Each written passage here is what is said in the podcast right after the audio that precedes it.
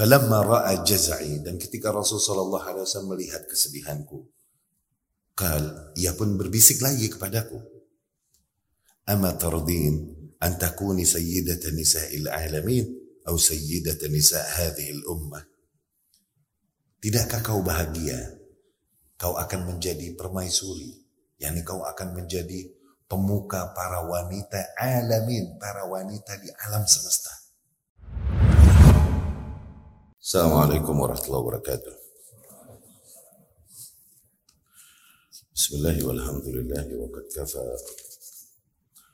Wassalatu wassalamu ala sayyidil mustafa wa ala alihi wa ashabihi wa man kanu bi atharihim muqtafa amma ba'd.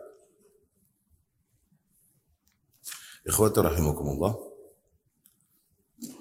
Pertemuan terakhir kita sedang membahas tentang sirah Fatimah bintur Rasulullah sallallahu alaihi wasallam radhiyallahu anha. Ya.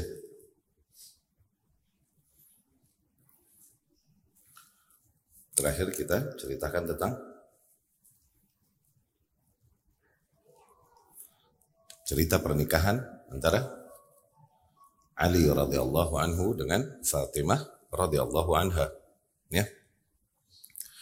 Bagaimana proses khidbahnya Ali radhiyallahu anhu dan kemudian sedikit drama-drama yang terjadi di dalam prosesnya ya walam yamdi amun min az-zawaj hatta waladatil hasan fi sanah thalithah al-hijriyah dan tidaklah berlalu satu tahun dari pernikahan mereka sehingga lahirlah Al-Hasan radhiyallahu anhu di tahun ketiga Hijriyah. Falamma balagha Al-Hasan min al-umri sanah dan ketika umur Hasan satu tahun, wulid ba'dahu al-Husain. Dilahirkanlah berikutnya Husain radhiyallahu anhu ya fi sanah arba'ah hijriyah di tahun keempat hijriyah. Kemudian setelah itu thumma Zainab fi sanah khamisah kemudian dilahirkanlah Zainab radhiyallahu anha tahun kelima hijriyah thumma Umm Kulthum kemudian dilahirkanlah Umm Kulthum radhiyallahu anha di tahun ke-7 Hijriyah. Ya. Diriwayatkan Imam Tirmidzi rahimahullah dengan sanadnya dari Hudzaifah radhiyallahu anhu, yakni Ibnu Yaman. Hudzaifah bercerita, qalat li ummi, ibu umiku berkata kepadaku suatu hari, "Mundu mata ahduka bin Nabi sallallahu alaihi wasallam?" Sejak kapan terakhir kau bertemu dengan Rasulullah sallallahu alaihi wasallam. Ibunya bertanya demikian kepada Hudzaifah. Fakult, aku pun berkata, Mali bihi ahdun mundu kada wa kada. Udah lama aku nggak bertemu dengan Rasul sallallahu alaihi wasallam sejak sejak waktu disebutkanlah oleh Hudzaifah radhiyallahu anhu. Fatanawalatni ummi, yakni syatamatni. Kemudian ibu, ibuku pun memarahiku, mencercaku. Kenapa? Udah lama nggak bersama Rasulullah Sallallahu Alaihi Wasallam.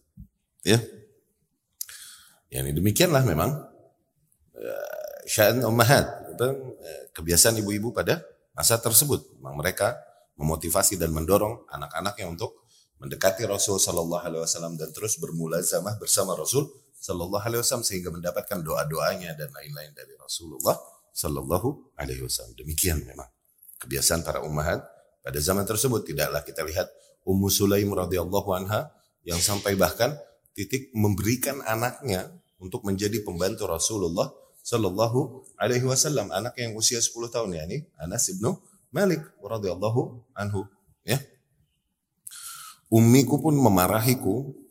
Dan kemudian Hudzaifah berkata qultulaha aku pun berkata kepadanya Da'ini ati an-nabiy sallallahu alaihi wasallam.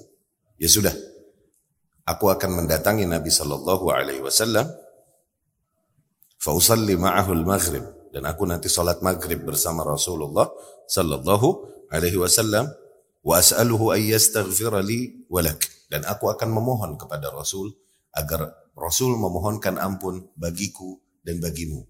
yakni memohonkan ampunan Allah bagiku dan bagimu wahai ibuku. Begitu, ya. Lihat betapa keagungan yang besar yang didapatkan para salaf radhiyallahu anhu salat salat maghrib di imaminnya sama Rasul Sallallahu alaihi wasallam. Habis itu mintain ya Rasulullah mintain ampun dong. Ajib amat wallah ajib generasi tersebut. Radhiyallahu anhum ajma'in. Dan Rasul yang mengimami mereka ketika Rasul membaca ihdinas siratal mustaqim. Hmm. Bimbinglah kami ke arah jalan yang lurus. Berilah kami hidayah ke arah jalan yang lurus dan para sahabat di belakangnya bilang amin.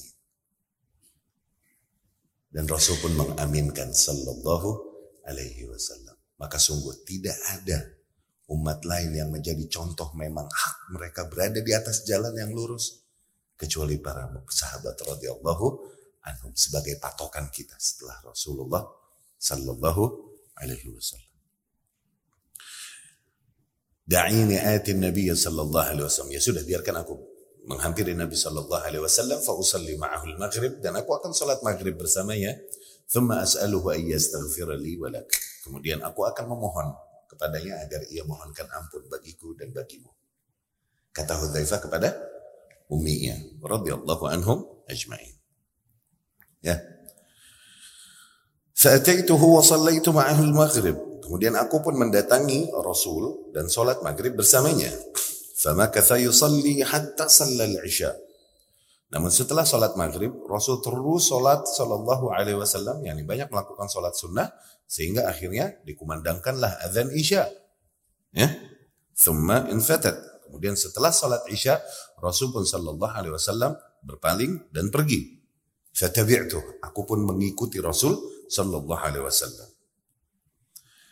Fa'arafa sauti faqal man hadha? Hudzaifah Rasul pun tahu itu suaraku sallallahu alaihi wasallam dan Rasul bertanya, "Siapa itu?" Hudzaifah ya, begitu. Karena gelap malam. Man hadha? Hudzaifah, begitu. Siapa itu? Hudzaifah ya, begitu. Ia pun menjawab, "Fakultu na'am ya Rasulullah." Iya ya Rasulullah. Ini aku. Faqal, Rasul pun berkata, "Ma hajatuk? Ghafarallahu laka wa li ummik." Ada perlu apa Hudzaifah? Semoga Allah mengampunimu dan ibumu. Allahu Akbar. Gak pakai diminta lah. Udah kelar hajatnya. Ada perlu apa Hudzaifah? Semoga Allah mengampunimu dan ummimu. Ma hajatuk ghafarallahu laka wa li ummik. Kemudian Nabi SAW berkata, Hada malak. Eh, tahu nggak? Ini ada malaikat lam yanzil ilal ard yang nggak pernah turun di malaikat nih ke muka bumi, nggak pernah. Qabla laylah, sebelum malam ini malaikat ini nggak pernah turun ke muka bumi. Qat sama sekali. Ista'dzana rabbah ayyazurani. Namun ia meminta izin kepada Rabbnya, yakni kepada Allah untuk berkunjung kepadaku, untuk menziarahiku. Wa ayyubashirani dan untuk memberikanku kabar gembira anna Fatimah bahwasanya Fatimah sayyidatu nisa'il ahli jannah adalah pemuka para wanita ahli surga wal Hasan wal Husain dan bahwasanya Hasan dan Husain sayyida syababil jannah adalah dua tokoh pemuda para penduduk surga Allahu Akbar. Tahukah kau ini ada malaikat turun. Nggak pernah turun sama sekali sebelumnya ke atas muka bumi. Sama sekali nggak pernah turun. Namun kali ini ia meminta izin kepada Rabbnya untuk mengunjungiku. Ia ingin mengunjungiku dan menyampaikan kabar kepadaku bahwasanya Fatimah radhiyallahu anha bintu putrinya adalah sayyidah nisa'il ahli jannah adalah pemuka tokoh pemuka, pemuka para penduduk surga wanita penduduk syur, surga dan bahwasanya Hasan dan Husain adalah pemuka para pemuda penduduk surga Allahu Akbar. Ya? Demikian di antara fadail atau keutamaan Fatimah radhiyallahu anha dan juga kedua putranya Al Hasan dan Al Husain. Ya. Kemudian diriwayatkan oleh Imam Bukhari dan Muslim rahimahumullah dengan sanadnya dari Miswar ibn al-Makhramah bahwasanya Rasulullah sallallahu alaihi wasallam bersabda Fatimah bid'ah minni Fatimah adalah sebagian daripadaku yu'zini ma'adhaha maka akan menyakitiku apa-apa yang menyakitinya. Yuribuni marabaha akan membuatku resah apa-apa yang membuatnya resah. Kemudian juga diriwayat Ibnu Hibban radhiyallahu anhu. Dari Wathilah Ibnu Ashqa' radhiyallahu anhu. Kal, ia berkata, Sa'altu an Ali fi baitih, faqila li dhahab ya'ti bi Rasulillah sallallahu alaihi wasallam. Wathilah ini satu hari mampir ke rumahnya Ali radhiyallahu anhu.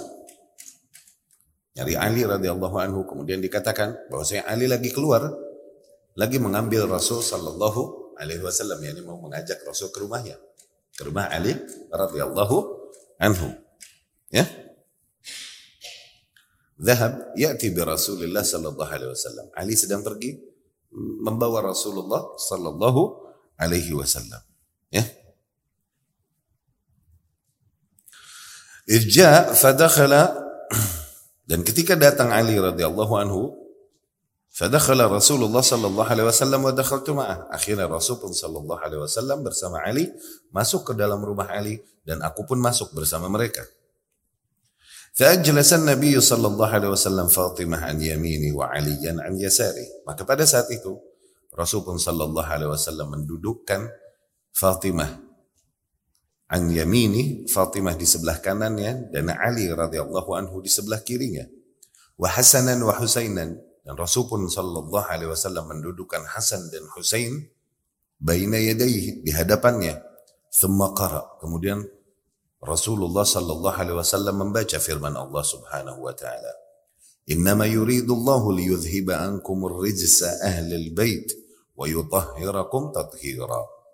Sesungguhnya Allah berkehendak untuk menghilangkan dari dari kalian kotoran-kotoran ahlul bait dan mensucikan kalian. Thumma qal, kemudian Rasul bersabda sallallahu alaihi wasallam, Allahumma haula ahli. Wahai Allah, mereka inilah para ahliku. Yani para ahlu bait Nabi sallallahu alaihi wasallam. Faqala al-wathilah. Kemudian wathilah pun radhiyallahu anhu berkata, Nadaitu min janibil bait. Dari samping rumah, wathilah berkata radhiyallahu anhu. Wa anna ya Rasulullah, aku pun juga dong ya Rasulullah min ahlik. Aku jadikan aku termasuk ahlimu ya Rasulullah. Rasul pun berkata sallallahu alaihi wasallam, "Wa anta min ahli." Ya, dan kau termasuk dari ahliku. Ya. Qala al-Wathilah, Wathilah berkata radhiyallahu anhu, "Wallahi innaha la arja ma irtajaitu." Demi Allah, hal tersebut adalah hal yang paling aku harapkan ya ini menjadi sebab ampunan dan keutamaan dari Allah Subhanahu wa taala. Doa Rasul tersebut sallallahu alaihi wasallam. Ya. Uh, hadis ini menggambarkan betapa Rasulullah Shallallahu Alaihi Wasallam mencintai keluarganya, mencintai mencintai ahlinya, ya. Dan kemudian mencintai, sebagaimana mencintai Fatimah radhiyallahu anha, Rasul pun mencintai Hasan dan Husain. Demikian fitrah pada seorang manusia, di mana mereka pasti mencintai keluarganya. Dan di antara bentuk kecintaan seorang hamba kepada Allah dan kepada Rasulnya Shallallahu Alaihi Wasallam diperintahkanlah kita untuk mencintai apa-apa yang dicintai Rasulullah Sallallahu Alaihi Wasallam, termasuk ahli baitnya. Demikian akidah ahlu sunnah. Kita mengagungkan para sahabat radhiyallahu anhum dan mengagungkan para ahlul bait dan menempatkan mereka pada posisi yang mulia. Ya, berbeda dengan dua kelompok. Di dalam hal ini ahlu sunnah wasat di tengah. Ya, berbeda dengan dua kelompok. Kelompok yang pertama, Rafidah, yang di mana mereka mengagungkan ahlul bait berlebihan luar biasa sehingga menempatkan mereka tidak pada posisinya. Di antara mereka ada yang menempatkan ahlul bait sampai mungkin derajat risalah sehingga mengatakan Jibril harusnya membawakan wahyu kepada Ali bukan kepada Muhammad sallallahu alaihi wasallam. Ini kufur luar biasa berlebihan, hulu. Ya? Dan kemudian yang mengatakan kesucian ini dalam artian maksum, dalam artian tidak ada lagi dosa ke atas para ahlul bait. Enggak begitu juga. Ya, enggak ada kekeliruan lagi, enggak begitu. Bahkan sampai titik mengkafirkan para sahabat lain radhiyallahu anhum. Ini ra, yang berlebihan di dalam ahlul bait. Ini satu kutub dan ini keli, keliru. Ada kutub satunya seberangnya namanya Nawasib, Nasibah. Kaum Nasibah adalah kaum yang membenci ahlul bait, memerangi bahkan membunuhi para ahlul ahlul bait. Ya. Inilah yang terjadi ketika mereka memelangi keturunan-keturunan Rasulullah sallallahu alaihi wasallam, enggak memberikan mereka hak-hak kehormatannya sebagai ahlu Rasul Sallallahu Alaihi Wasallam. Di antaranya siapa? Hajjaj bin Yusuf, Thaqafi. Ya, di mana banyak para keluarga dan keturunan Ali radhiyallahu anhu dibunuh karena keturunannya dari Rasulullah Sallallahu Alaihi Wasallam. Ini nawasib salah juga. Kita mencintai dan mengagungkan para ahlul bait. Ya, karena apa bentuk cintaan dan pengagungan kita kepada Rasulullah Sallallahu Alaihi Wasallam. Namun sebagaimana kita mencintai dan mengagungkan makhluk, tempatkan mereka pada tempatnya. Tidaklah mereka lebih tinggi daripada Rasul sendiri Sallallahu Alaihi Wasallam sehingga boleh mengatakan nilai-nilai keyakinan keyakinan yang Rasul sendiri nggak bilang begitu Sallallahu Alaihi Wasallam. Awas, kita cinta bukan kepada mereka secara zatnya, bukan tapi kita cinta kepada mereka karena apa? Karena keagungan yang ada pada mereka, keturunan yang ada pada mereka. Oke, okay, kita cintai mereka sebelah situ. Tapi ketika kebatilan datang darinya, maka kita ingkari. Demikian para sahabat radhiyallahu anhum mengingkari kebatilan dan kekeliruan kalaupun datangnya dari seseorang yang merupakan keturunan Rasulullah Sallallahu Alaihi Wasallam. Bukankah Husain radhiyallahu anhu diingkari oleh Ibnu Umar, oleh Abu, oleh Ibnu Abbas radhiyallahu anhu ketika keluar dari Madinah dan khuruj dari dari dari Umayyah? Diingkari oleh para sahabat. Lihat. Kalaupun dia adalah dia, seorang cucu dari Rasulullah Sallallahu Alaihi Wasallam. Sehingga Ibnu Umar berkata kalau bukan karena takut aku dicerca manusia aku akan kalungkan tanganku di lehermu dan aku seret engkau kembali ke Madinah. Yani jangan keluar dan ke ke Kufah karena terhasut oleh surat-surat yang dikirim oleh para penduduk Kufah untuk membaik untuk membaiatnya terhasut kan Husain radhiyallahu anhu. Sehingga keluar dan terjadilah yang terjadi fitnah dan terbunuhlah Husain radhiyallahu anhu bersama banyak dari keluarganya yang merupakan ahlul bait Nabi sallallahu alaihi wasallam. Tuh, lihat. Diingkari, diingkari. Kalaupun sah, kalaupun salah. Kelirulah sebuah. Nah, ini dimanfaatkan setelah ini oleh Syiah, oleh Rafidah untuk apa? Untuk mengelabui kaum muslimin, membuat buram kaum muslimin akan batasan-batasan aki, akidahnya. Sampaikanlah keutamaan-keutamaan ahlul bait dan bahkan dibuatlah hadis-hadis palsu tentang hal-hal demikian untuk mengelabui kaum muslimin dan menyimpangkan mereka dari akidah yang murni yang emang datang dari Rasulullah sallallahu alaihi wasallam. Diriwayat Imam Bukhari dan Muslim rahimahumullah dari Aisyah radhiyallahu anha. Aisyah bercerita, "Aqbalat Fatimah tamshi ka'anna mishyataha mishyatur Rasul sallallahu alaihi wasallam." Wallahi ما تخطئ مشيتها مشية الرسول صلى الله عليه wasallam. Aisyah bercerita, Fatimah datang. Kita lagi kumpul, Fatimah datang. Jalannya Fatimah itu sama seperti jalannya Rasulullah Sallallahu Alaihi Wasallam. Bulu Mukminin Aisyah bilang enggak enggak meleset sedikit pun jalannya Fatimah radhiyallahu anha sama seperti jalannya Rasulullah Sallallahu Alaihi Wasallam. Ya, Faqala Rasul sallallahu alaihi wasallam, Rasul pun sallallahu alaihi wasallam ketika Fatimah datang, Rasul berkata, "Marhaban bibnati." Selamat datang kepada putriku. Fa'ajlasa an yamini. Kemudian Rasul pun mendudukkan Fatimah di sisi kanannya. Am'an shimalih. Atau di sisi kirinya. Fa'asarra Nabi sallallahu alaihi wasallam ilaiha hadithan. Kemudian Nabi pun membisik-bisikan kepada Fatimah radhiyallahu anha. Berbisik kepada Fatimah radhiyallahu anha. Fabakat. Dari bisikan tersebut Fatimah pun menangis. Fa'asarra ilaiha bihadith akhir fadahikat. Fadahikat. Dan kemudian gak lama Nabi membisikkan lagi kepada Fatimah radhiyallahu anha, bisik-bisik lagi, tahu-tahu Fatimah tertawa, tersenyum dan terta tertawa. Jadi dibisikin dua kali. Pertama dibisikin kelar nangis Fatimah radhiyallahu anha. Kemudian dibisikin lagi, kemudian tersenyum tersipu sambil terta tertawa. Ya. Dan di dalam riwayat lain, Aisyah radhiyallahu anha umul mukminin bercerita, "Kunna azwaj Nabi sallallahu alaihi wasallam ijtama'na indahu lam yughadir minhunna wahida." Suatu hari ketika kita istri-istri Nabi sallallahu alaihi wasallam lagi berkumpul bersama Nabi sallallahu alaihi wasallam.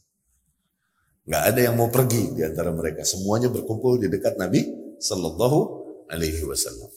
Gak ada yang mau pergi. Gitu? Faja'at Fatimah tamshi. Kemudian datanglah Fatimah dari jauh. Dia berjalan. Ma tukhti' misyatuha misyata Rasul sallallahu alaihi wasallam. Sungguh tidak beda sedikit pun antara jalannya dengan jalannya Rasulullah sallallahu alaihi wasallam. nggak meleset sedikit pun. Mirip serupa jalannya bersama dengan jalannya Rasulullah sallallahu alaihi wasallam. Falamma ra'aha rahaba biha dan ketika Nabi melihat Fatimah radhiyallahu anha, Nabi pun menyambutnya. Kal beliau sallallahu alaihi wasallam bersabda, "Marhaban bibnati." Selamat datang kepada putriku. Thumma aq'adaha an yamini. Kemudian Rasul pun sallallahu alaihi wasallam mendudukkan Fatimah radhiyallahu anha di sisi kanannya atau an yasarih atau di sisi kirinya. Ini perawinya lupa biasanya begitu. Ya, kanan atau ki kirinya. Thumma sarraha. Kemudian Rasul pun sallallahu alaihi wasallam berbisik-bisik kepada Fatimah, fabakat. Dari situ Fatimah nangis radhiyallahu anha.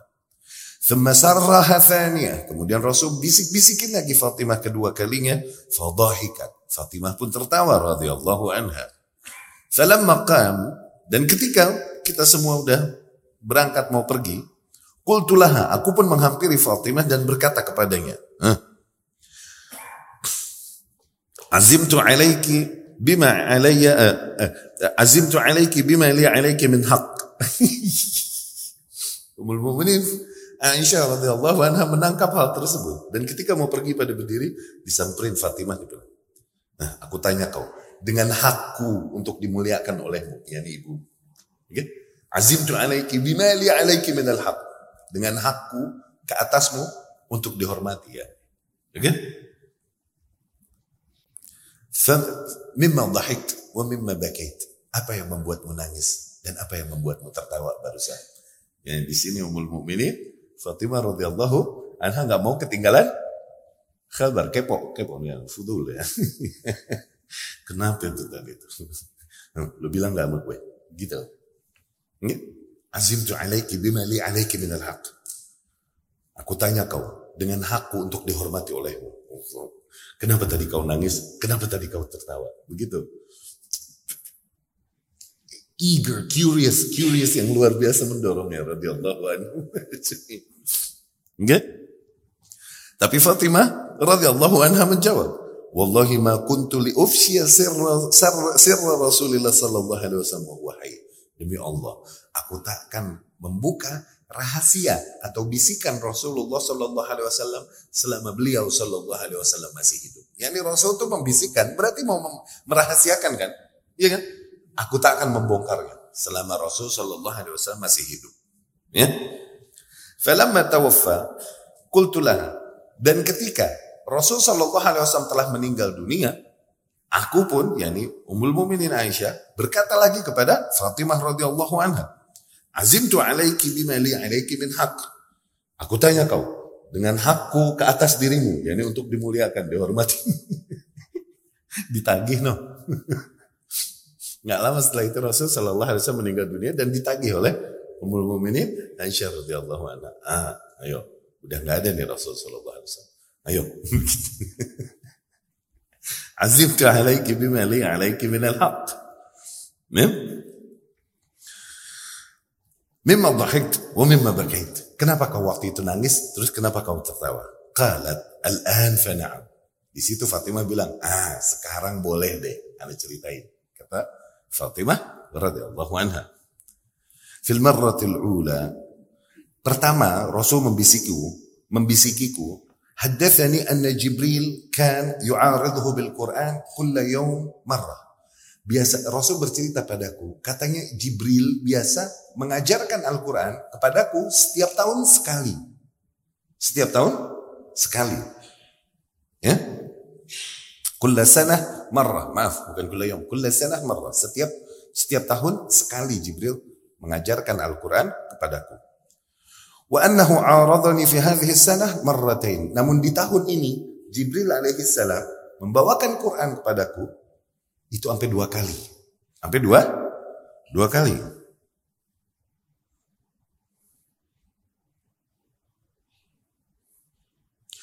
Wa anni la ahsab dhalika illa inda iqtirab. Dan sungguh tidaklah aku menilai hal tersebut kecuali karena sudah semakin dekatnya ajalku. Kata Rasulullah sallallahu alaihi wasallam. Fattaqillaha wasbiri. Maka bertakwalah kau kepada Allah wahai Fatimah. Dan bersabarlah. Fani'ma salafu laki ana. Sungguh, semulia-mulianya pendahulu adalah aku bagimu. Sedekah Dari situ aku pun menangis. Kata Fatimah radhiyallahu. Falamma ra'a jaz'i dan ketika Rasul sallallahu alaihi wasallam melihat kesedihanku, kal ia pun berbisik lagi kepadaku. Ama tardin an takuni sayyidata nisa'il alamin atau sayyidata nisa' hadhihi al-ummah. Tidakkah kau bahagia? Kau akan menjadi permaisuri, yakni kau akan menjadi pemuka para wanita alamin, para wanita di alam semesta. Atau para pemuka wanita umat ini. Yang ditokoh dari wanita, para wanita umat, umat ini posisimu yang mulia. Dengan tidakkah kau senang dengan posisi itu, wahai Fatimah? Aku pun tersipu dan tertawa. Fadahik. Aku pun tertawa. Kata Fatimah radhiyallahu anha. Lama mata Nabi Sallallahu Alaihi Wasallam dan ketika Nabi Sallallahu Alaihi Wasallam akhirnya meninggal dunia, Hadath bin Aisyah wa Abu Bakar wa Abi Bakar radhiyallahu anhu mughadabah. Terjadilah clash antara Aisyah radhiyallahu anha dengan Abu Bakar radhiyallahu anhu. Terjadi, terjadi ada keributan. Liajli mirathin Nabi sallallahu alaihi wasallam. Keributan tersebut dikarenakan warisan dari Nabi sallallahu alaihi wasallam. Diriwayat Imam Bukhari dan Muslim rahimahumullah dari Ummul Mukminin Aisyah radhiyallahu anha. Ummul Mukminin bercerita, "Ja'at Fatimah ila Abi Bakar tas'aluhu mirathaha." Fatimah mendatangi Abu Bakar radhiyallahu anhu. Meminta kepada Abu Bakar hak warisnya, hak waris dari Rasulullah sallallahu alaihi wasallam. Mirathaha min abiha dari ayahnya. Faqal Abu Bakar pun berkata, Sami'tu aku mendengar sendiri Rasulullah sallallahu alaihi wasallam yaqul Rasul sallallahu alaihi wasallam bersabda nahnu la nurith wa la nurath ma tarakna sadaqah. Kita nih yakni para nabi kita nggak nggak ada urusan sama waris. Kita nggak mewarisi kita nggak diwarisi. Kita nih nabi nggak mewarisi. Hal-hal yang kita tinggalkan jadinya sodakoh kata Rasulullah sallallahu alaihi wasallam dulu begitu Abu Bakar mendengar apa yang disampaikan Rasulullah Sallallahu Alaihi Wasallam. Ya, faghadib, faghadibat wahajarat Abu Bakar. Dari situ Fatimah marah dan dia menghajar Abu Bakar radhiyallahu anhum ajma'in. Sampai menghajar Abu Bakar, eh, menghajar ya ini sampai nggak tegur sapa sama Abu Bakar radhiyallahu anhum ajma'in. قالت فلما فلما أم المؤمنين عائشة رضي الله عنها ما سي سيبرتريتا فلم تزل مهاجرته فلم تزل مهاجرته فلم تزل مهاجرته إلى أن توف إلى أن توفيت وبقيت بعد رسول الله صلى الله عليه وسلم ستة أشهر. ما سي فاطمة رضي الله عنها tidak tegur sapa dengan Abu Bakar radhiyallahu anhu sampai wafatnya. Dan Fatimah radhiyallahu anha wafat enam bulan setelah wafatnya Rasulullah sallallahu alaihi wasallam. Qalat Aisyah. Ummul Mukminin Aisyah pun berkata, "Kanat Fatimah tas'al Abu Bakar mirathaha min Rasulillah sallallahu alaihi wasallam." Fatimah radhiyallahu anha memohon kepada Abu Bakar radhiyallahu anhu hak warisannya dari Nabi sallallahu alaihi wasallam. Eh? Dari apa? Ma afa Allahu alaihi mimma tarak fi Khaybar wa Fidak wa min sadaqatihi fil Madinah. Apa-apa yang ditinggalkan Nabi Shallallahu Alaihi Wasallam baik ada tanah di Khaybar, ada di Fidak dan lain-lain dan yang apa-apa yang Nabi miliki Shallallahu Alaihi Wasallam di di Madinah. Nah, Fatimah memohon itu kepada Abu Bakar radhiyallahu anhu. Fakan Abu Bakar ya ba'alaiha namun Abu Bakar radhiyallahu anha radhiyallahu anhu nggak mau memenuhi permohonan Fatimah radhiyallahu anha. Wa yaqul dan dia terus berkata Abu Bakar, "Lastu tarikan syai'an mimma kana ya'malu bihi Rasulullah sallallahu alaihi wasallam illa amidtu bihi inni akhafu in taraktu syai'an min amrihi an azid." Sungguh aku takkan meninggalkan satu hal pun dari apa yang diajarkan Rasulullah Sallallahu Alaihi Wasallam. Karena aku takut kalau mulai aku tinggalkan satu hal aja yang Rasul ajarkan padaku, aku takut kelak aku akan azir, akan mulai menyimpang. Abu Bakar, bayangkan di sini posisi Abu Bakar radhiyallahu anhu yang serba serba salah. Dia mencintai Rasul dan mengagungkan putrinya. Iya gak? Demikian seluruh sahabat radhiyallahu anhum terutama Abu Bakar yang paling dekat kepada Rasul sallallahu alaihi wasallam. Nah, tapi sekarang diuji dengan kondisi demikian, di mana putrinya Rasul meminta hak warisnya dan di mana dia mendengar sendiri dari Rasulullah sallallahu alaihi wasallam bahwa saya nggak ada hak waris. Bagi para nabi ini, nahnu ma'syaral anbiya la nurath ma sadaqah. Kita ini para nabi nggak ada urusan sama waris. Nggak diwarisin, nggak ngewarisin. Apa-apa yang kami tinggalkan ini jadinya sodakoh. Huh. Kata Abu Bakar radhiyallahu anhu demikian. Aku takut kalau ini aku tinggalkan, aku langgar, aku mulai membuka pintu kesesatan ke depannya aku akan semakin menyimpang. Karena mulai aku langgar satu perintah Rasulullah Sallallahu Alaihi Wasallam. Abu Bakar terkenal sangat memang berpegang teguh kepada apa yang diajarkan Rasul Sallallahu Alaihi Wasallam. Sehingga di antara hal yang akhirnya pembukuan Al-Quran baru di masa-masa akhir itu Abu Bakar karena apa? Karena itu Abu Bakar mendengar tahu sendiri dari Rasul Shallallahu Alaihi Wasallam larangan untuk apa? Membukukan Al-Qur'an. Al ini, ini ntar ada di pelajaran ilmu ilmu tafsir. Ya, diajaklah oleh Umar radhiyallahu anhu untuk apa? Untuk yuk kumpulin dari hafalan-hafalan para sahabat dan kita satukan. Abu Bakar takut radhiyallahu anhu karena apa? Dia dengar sendiri dari Rasulullah Shallallahu alaihi wasallam larangan tersebut. Jadi kata Abu Bakar radhiyallahu anhu li an unaqqilal jibal ahabbu ilai. Disuruh mindahin gunung itu aku lebih suruh mindahin Uhud itu lebih aku pilih daripada aku mesti melakukan sesuatu yang Rasul sallallahu alaihi wasallam larang. Kata Abu Bakar radhiyallahu anhu namun Umar terus membujuknya sehingga terbukalah hati Abu Bakar dan mulai mereka mengumpulkan mushaf dari hafalan para sahabat radhiyallahu anhum. Nah demikian kasus ini. Dia tahu di mana Rasul Shallallahu Alaihi Wasallam mengatakan demikian dia dengar sendiri bahwasanya Rasul tidak mewarisi. Okay? Namun putrinya nggak mendengar itu langsung dari Rasulullah Shallallahu Alaihi Wasallam. Qadarullah ketika Abu Bakar yang menyampaikan nggak langsung percaya, yang ada malah marah. Bahkan Fatimah sempat berkata kepada Abu Bakar radhiyallahu anhu, Diriwayat Imam Ahmad, Fatimah berkata kepada Abu Bakar radhiyallahu anhu, "Idza mit man yarithuk?" Abnai. Hah? Jadi apabila kau mati, siapa yang mewarisimu? Kal Abu Bakar berkata, "Ahli wa waladi." Keluargaku dan anak-anakku.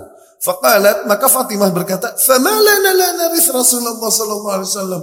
Kalau gitu kenapa kita nggak mewarisi dari ayah kita Rasulullah sallallahu alaihi wasallam. Kala laha. Abu Bakar bilang pelan-pelan. Ini sami itu aku udah dengar sendiri.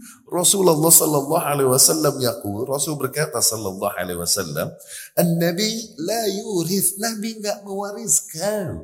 Aku dengar sendiri. Walakinni a'ul ala man kan Rasulullah sallallahu alaihi wasallam ya'ul wa unfik ala man kan Rasul sallallahu alaihi wasallam yunfik. Tapi aku akan tanggung hidup orang-orang yang ditanggung hidupnya sama Rasul Sallallahu Alaihi Wasallam. Aku yang nafkahi orang-orang yang nafkahnya selama ini ditanggung oleh Rasulullah Sallallahu Alaihi Wasallam. Aku nggak diemin. Kata Abu Bakar radhiyallahu lihat kedernya Abu Bakar lihat di dalam kondisi demi demikian ya. Serba salah gak? Serba salah itu. Tapi leadershipnya diuji memang di situ dan sabatnya di atas sunnah, di atas petunjuk Rasul Shallallahu Alaihi Wasallam diuji memang di situ.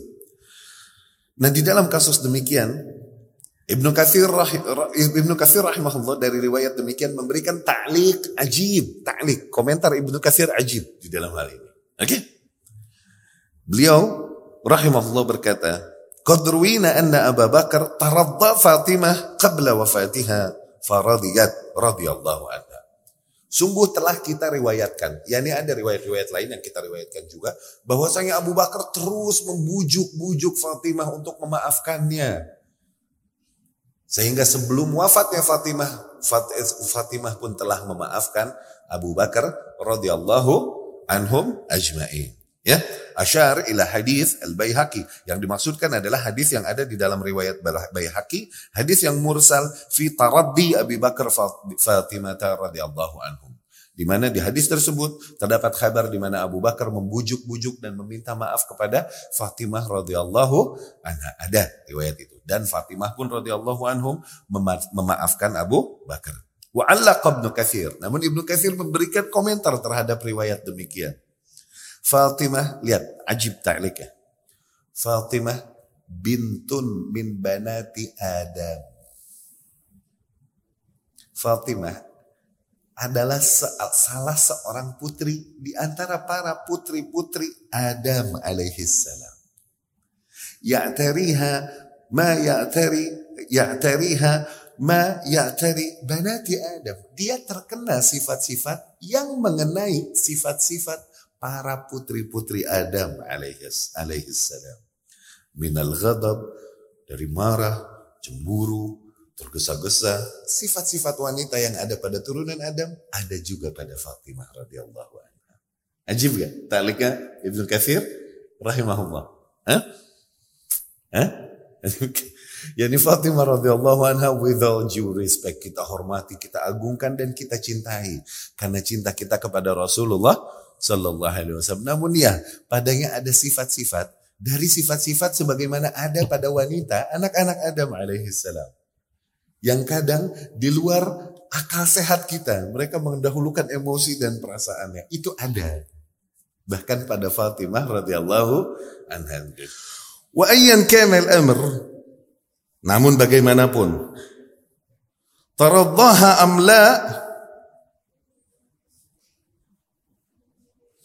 tardaha am la tardaha fala ataba ala Abi Bakar radhiyallahu anhu. Tapi gimana pun yang terjadi dari kasus tersebut antara Fatimah dan Abu Bakar radhiyallahu anhu. Mau Fatimah maafin Abu Bakar, mau Fatimah nggak maafin Abu Bakar radhiyallahu anhu, maka tidak ada celah atas Abu Bakar radhiyallahu anhu. Gak mungkin kita mencela dan menyalahkan Abu Bakar dalam hal ini. Karena apa?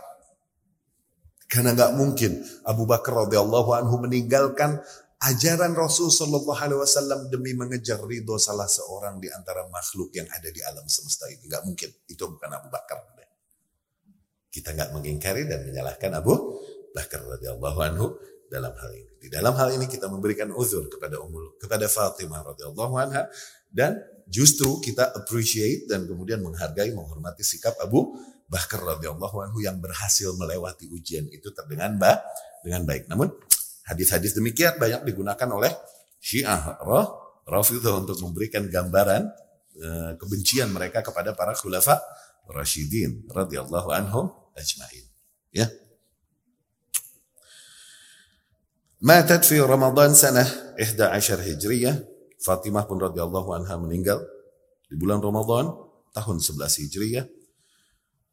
Taufan Nabi sallallahu alaihi wasallam fi Rabiul Awal 11 yang 6 bulan, 6 bulan setelah meninggalnya Nabi Sallallahu Alaihi Wasallam. Alhamdulillah, ya, sirah Fatimah radhiyallahu anha telah kita selesaikan.